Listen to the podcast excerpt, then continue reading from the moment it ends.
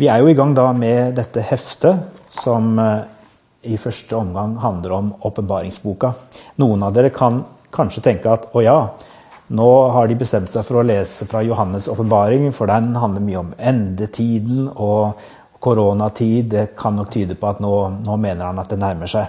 Men dette er ikke nytt for oss. Vi har planlagt å jobbe med Johannes' åpenbaring i lang tid, for det er en del av det som vi kaller for tidslinjen, som vi med noen avbrekk har brukt nå tre år på å jobbe med. Tidslinjen er en gjennomgang av Bibelen. Vi har hatt utvalgte fortellinger i kronologisk orden. Fra første bok i Gammeltestamentet og nå altså er i ferd med å avslutte med Johannes' åpenbaring. Og det kom nå på våren 2021, når vi samtidig er i en eh, veldig spesiell tid som oppleves som en krise for landet og for verden. Og det gjør jo ikke at Johannes' åpenbaring er mindre aktuelt. Men her er det tekster og temaer som til enhver tid er viktige å ta inn og være med og lese, selv om det kan virke ganske krevende å lese en del av disse tekstene. Krevende å forstå, rett og slett. og Derfor er det en del som lar være å, å bruke Johannes' åpenbaring og i det hele tatt lese i den. Vi tenker at eh, det er fine ting her å ta med seg, og god rettledning og en del som faktisk er fullt forståelig. Først litt til eh, hvordan dette avslutter Bibelen. For det som starter Bibelen, er jo da skapelsen i første Mosebok kapittel 1. Og i kapittel 2 så møter vi en hage og livets tre midt i denne hagen. Sånn begynner Bibelen med et tre, med livets tre. Det står Herren Gud lot alle slags trær vokse opp av jorden, forlokkende å se på og gode å spise av. Og midt i hagen livets tre og treet til kunnskap om godt og ondt. Og så kastes Adam og Eva, vet vi, etter kapittel 3, ut av hagen. Og resten av Bibelen er på en måte en fortelling om hvordan Gud ønsker å elske sine barn tilbake til fellesskap med seg. Men det er en rød tråd gjennom hele Bibelen som handler om hvordan han ønsker å frelse oss mennesker. Og så avslutter det da med en, eh, en bok som også handler om livets tre. Da er vi på en måte framme i andre enden av denne store fortellingen. Og vi, det handler om det som vi allerede kan oppleve her og nå, og noe som vi enda ikke har sett oppfylt. Når vi kommer til siste kapittel i Johannes' åpenbaring, så sier han Engelen viste meg nå en elv med livets vann klar som krystall. Den springer ut fra Guds og lammets trone. Midt mellom byens gate og elven står livets tre, fritt til begge sider. Det bærer frukt tolv ganger og gir sin frukt hver måned, og bladene på treet er til legedom for folkene. Boka Bibelen er rammet inn av en fortelling om livets tre i begynnelsen og på slutten. Og det er kanskje en, sånn, eh, en god måte å se også at eh, vi kommer tilbake, ikke til hagen, vi kommer tilbake til et fullkomment sted. Men det er by. Det begynte i en hage, det avslutter i en by. Men treet står der midt i byen. La meg få lov til å bruke dette bildet om, eh, om treet også som en metafor på hvordan vi kanskje skal lese Johannes' åpenbaring. Dere kjenner jo uttrykket 'å ikke se skogen for bare trær'. Jeg tror at ofte så har vi lest åpenbaringsboken litt sånn som man går inn, og så prøver man å, å, å, få mening i hvert enkelt tre. Altså Vi går inn og så prøver å finne alle detaljer. Analysere alle detaljer. Og så ser vi plutselig ikke skogen. Jeg vil oppfordre dere når dere skal lese Johannes' åpenbaring framover, ta, ta et skritt tilbake. Kanskje er det ikke meningsfylt å gruble over alle de små bildene og detaljene. Johannes sjøl måtte ty til bilder og beskrivelser som, som, var utenfor hans forstand, står det. Og det tyder på at dette var for stort for han også til å forstå, men det er likevel mulig å få et blikk av skogen, av hovedtemaene, som er like aktuelle til enhver tid. Selv om vi ikke alltid forstår hvordan hver enkelt av disse detaljene skal forstås og oppfylles, og når det skal skje, og hvordan det skal skje. Noen av de hovedtemaene er f.eks. kampen mellom det gode og det onde. At den kampen er utkjempet på et vis av Jesus allerede, som lammet som ble slaktet, og som vant på korset. Men så er på en måte ikke kampen heller over. Det er en kamp som fortsatt pågår mot de onde i verden. Og den kampen den kan vi som er små og forfulgte, kjenne på. Eller de kristne, eller de som er små i denne verden, som er på mange måter adressaten for denne boka. Men Jesus, som var det uskyldige lammet som ble slaktet, han kommer nå tilbake som løven. Vi ser han kanskje ikke, men han er der. Det er ikke likegyldig hvordan vi lever våre liv. Det er et annet viktig hovedtema i denne boka. Det er ikke likegyldig at uh, Jesus er vår herre, og det er han som skal dømme jorden, dømme menneskene. Vi skal få overlate dommen til han. Jesus er herre. Det er også et tema som går igjen. Og som kan virke skremmende på et vis, men ikke for oss som kjenner Jesus, og som vet at Jesus er full av nåde og sannhet. Han er den beste dommeren vi kan legge våre liv over til. Og så handler det også om omvendelse. At det ikke er noe som kanskje bare skjer én gang, men at kanskje må vi vende oss til Gud på nytt og på nytt og spørre oss sjøl hvor er vi i vår gudsrelasjon. Det er ikke minst et ord til de kloke og mektige og rike som tror at de har alt under kontroll og vet alt og kan alt og får til alt. Det er et ord om en slags respekt for Han som har skapt verden, og Han som skal frelse den, og som skal dømme den. Dette ordet det er åpenbart fra Gud til sin sønn Jesus Kristus. Så det er på en måte Jesu Kristi åpenbaring, står det i aller første setninga i boka. Det er ikke Johannes' åpenbaring, som vi kaller det, men det er Jesu Kristi åpenbaring som han velger å gi videre til en av sine apostler, Johannes. Kanskje var Johannes den eneste som fortsatt levde av de første tolv. Mye kan tyde på at eh, de fleste led martyrdøden, og at Johannes var en som var blitt, fått lov å bli gammel, og som er på Patmos og som eh, da får dette budskapet. Et budskap om håp og fornyelse.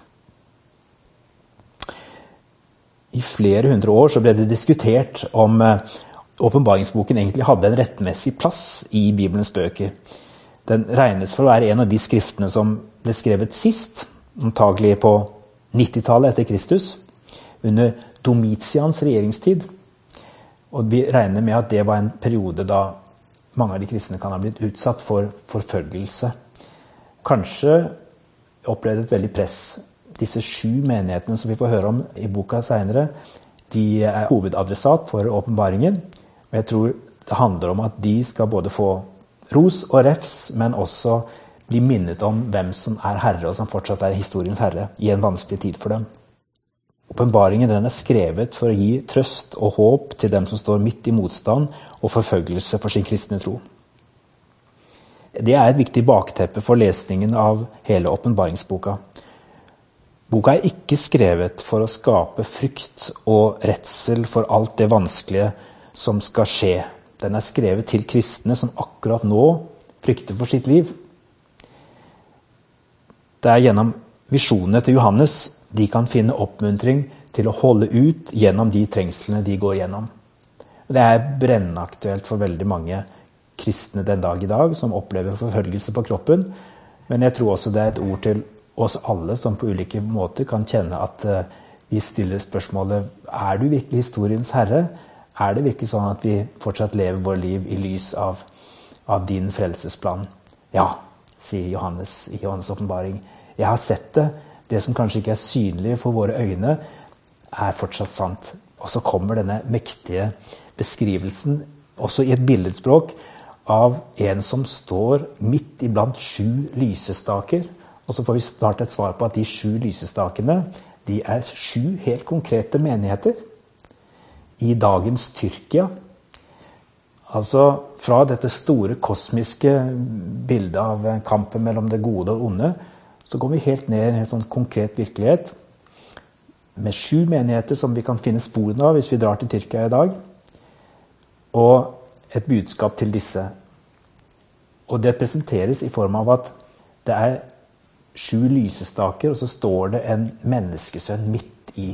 En som er noe mye mer enn en menneskesønn. Så vi ser fort at han er mye mer enn en menneskelig Jesus. Han er, han er den som har seiret. Men hvor er han? Jo, han er ikke et eller annet langt sted vekke i en høy himmel. Han står midt iblant disse sju lysestakene. Og så har han stjerner i hendene, og det står for engler, som på et vis er budbærere inn i disse menighetene. Og det, det tenker jeg er et eh, fantastisk bilde på den virkeligheten som vi kan ta eierskap til her og nå. En Jesus som er midt iblant oss, og som vi kanskje ikke ser, men som like fullt er herre, og som lever og råder. Vi skal få lov til å høre nå Ragnhild lese litt fra kapittel tre. Fra noen av disse brevene som går til tre av menighetene. Vi rekker ikke å lese kapittel to, det kan dere lese selv, men hør nå litt fra kapittel tre. Og hvordan han taler til menighetene i eh, Sardes og Laudikea og Philadelphia. Og gir dem litt ulike budskap, konkrete inn i det de trengte å høre akkurat der og da. Og ta likevel med inngangen til det, som er Frykt ikke, jeg er den første og den siste og den levende. Jeg var død, men se, jeg lever i all evighet, og jeg har nøklene til døden og dødsriket. Dette er det disse menighetene får som inngang til konkrete ord om hva de trenger. For at Jesus skal være sikre på at han har det med seg videre helt til enden. Dagens tekst er Johannes' åpenbaring, kapittel 3. Skriv til engelen for menigheten i Sardes. Dette sier han som har de sju Guds ånder og de sju stjerner. Jeg vet om dine gjerninger. Det heter om deg at du lever, men du er død. Våkn opp og styrk det som er igjen, og som holder på å dø. For jeg har funnet at dine gjerninger ikke holder mål i min Guds øyne. Husk derfor hva du tok imot og hørte. Hold fast på det og vend om. For hvis du ikke våkner, skal jeg komme som en tyv, og du skal ikke vite timen når jeg kommer over deg. Men du har noen få i Sardes som ikke har skitnet til klærne sine. De skal gå med meg i hvite klær, for de er verdige til det. Den som seirer, skal bli kledd i hvitt, og jeg vil aldri stryke navnet hans ut av livets bok, men kjennes ved navnet hans for min far og hans engler. Den som har ører, hør hva Ånden sier til menighetene. Skriv til engelen for menigheten i Filadelfia. Dette sier den hellige og sannferdige, han som har Davids nøkkel, han som åpner så ingen kan stenge, og stenger så ingen kan åpne. Jeg vet om dine gjerninger. Se, jeg har satt foran deg en åpnet dør, som ingen kan stenge for du har liten kraft, og du har holdt fast ved mitt ord og ikke fornektet mitt navn. Se, jeg skal la noen komme fra Satans synagoge, slike som lyver og sier at de er jøder, men ikke er det. De skal komme og kaste seg ned for føttene dine, og de skal forstå at jeg har elsket deg. Fordi du har tatt vare på mitt ord om å holde ut, vil jeg bevare deg gjennom den tiden av prøvelser som skal komme over hele verden, for å prøve dem som bor på jorden. Jeg kommer snart. Hold fast på det du har, så ingen tar seierskransen fra deg. Den som seirer, vil jeg gjøre til en søyle i min Guds tempel, og aldri mer skal han forlate det. Jeg vil skrive min Guds navn på ham, sammen med navnet på min Guds by, det nye Jerusalem som kommer ned fra himmelen, fra min Gud, og også mitt nye navn.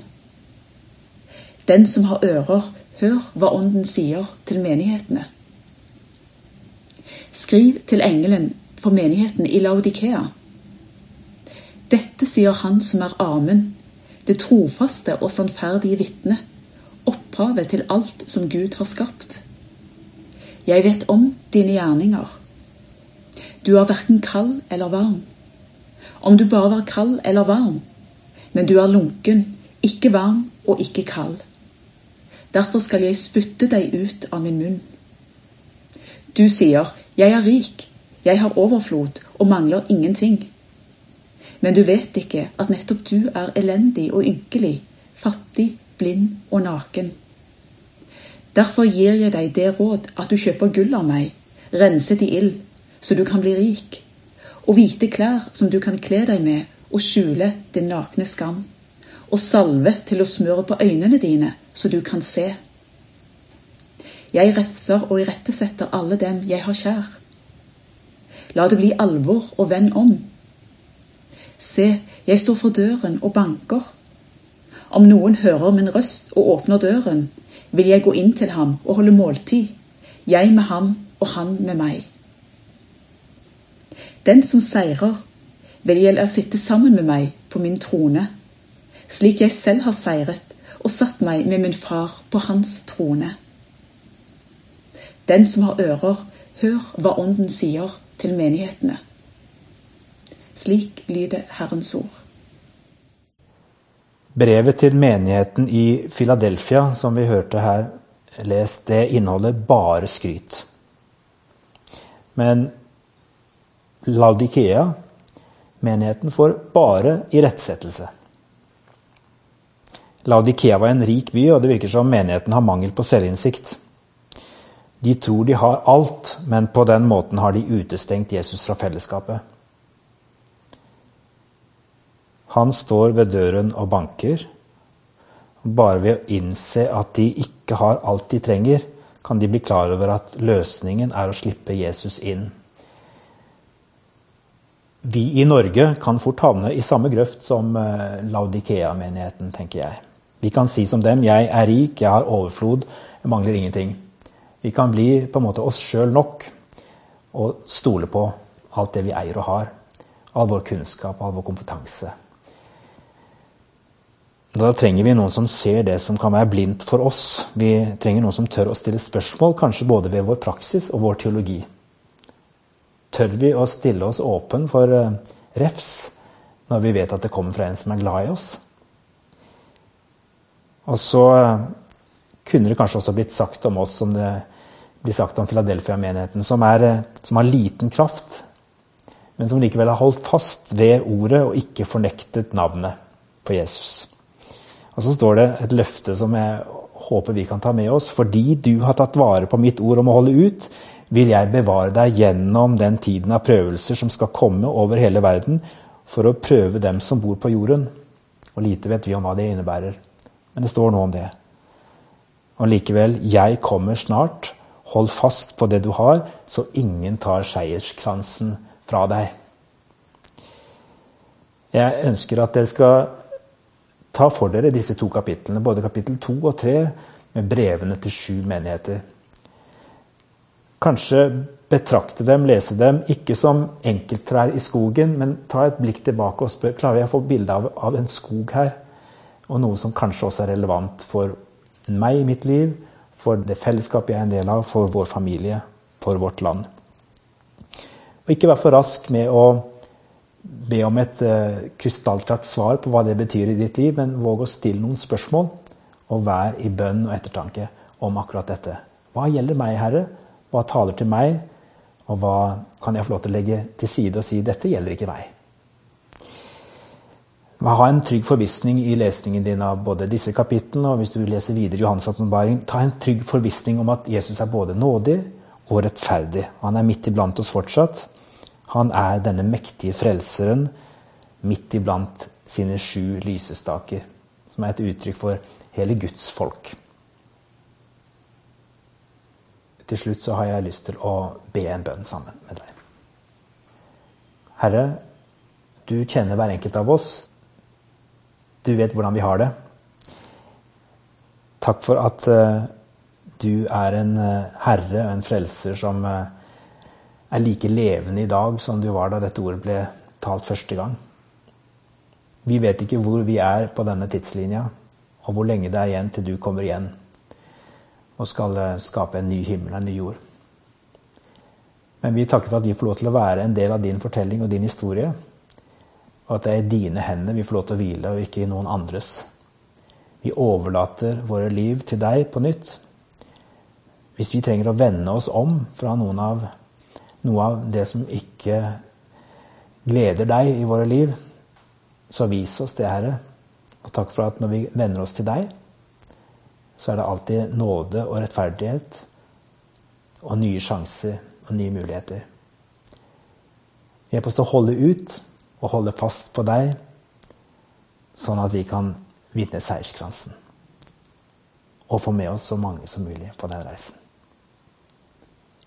Det ber vi om i Jesu navn. Amen.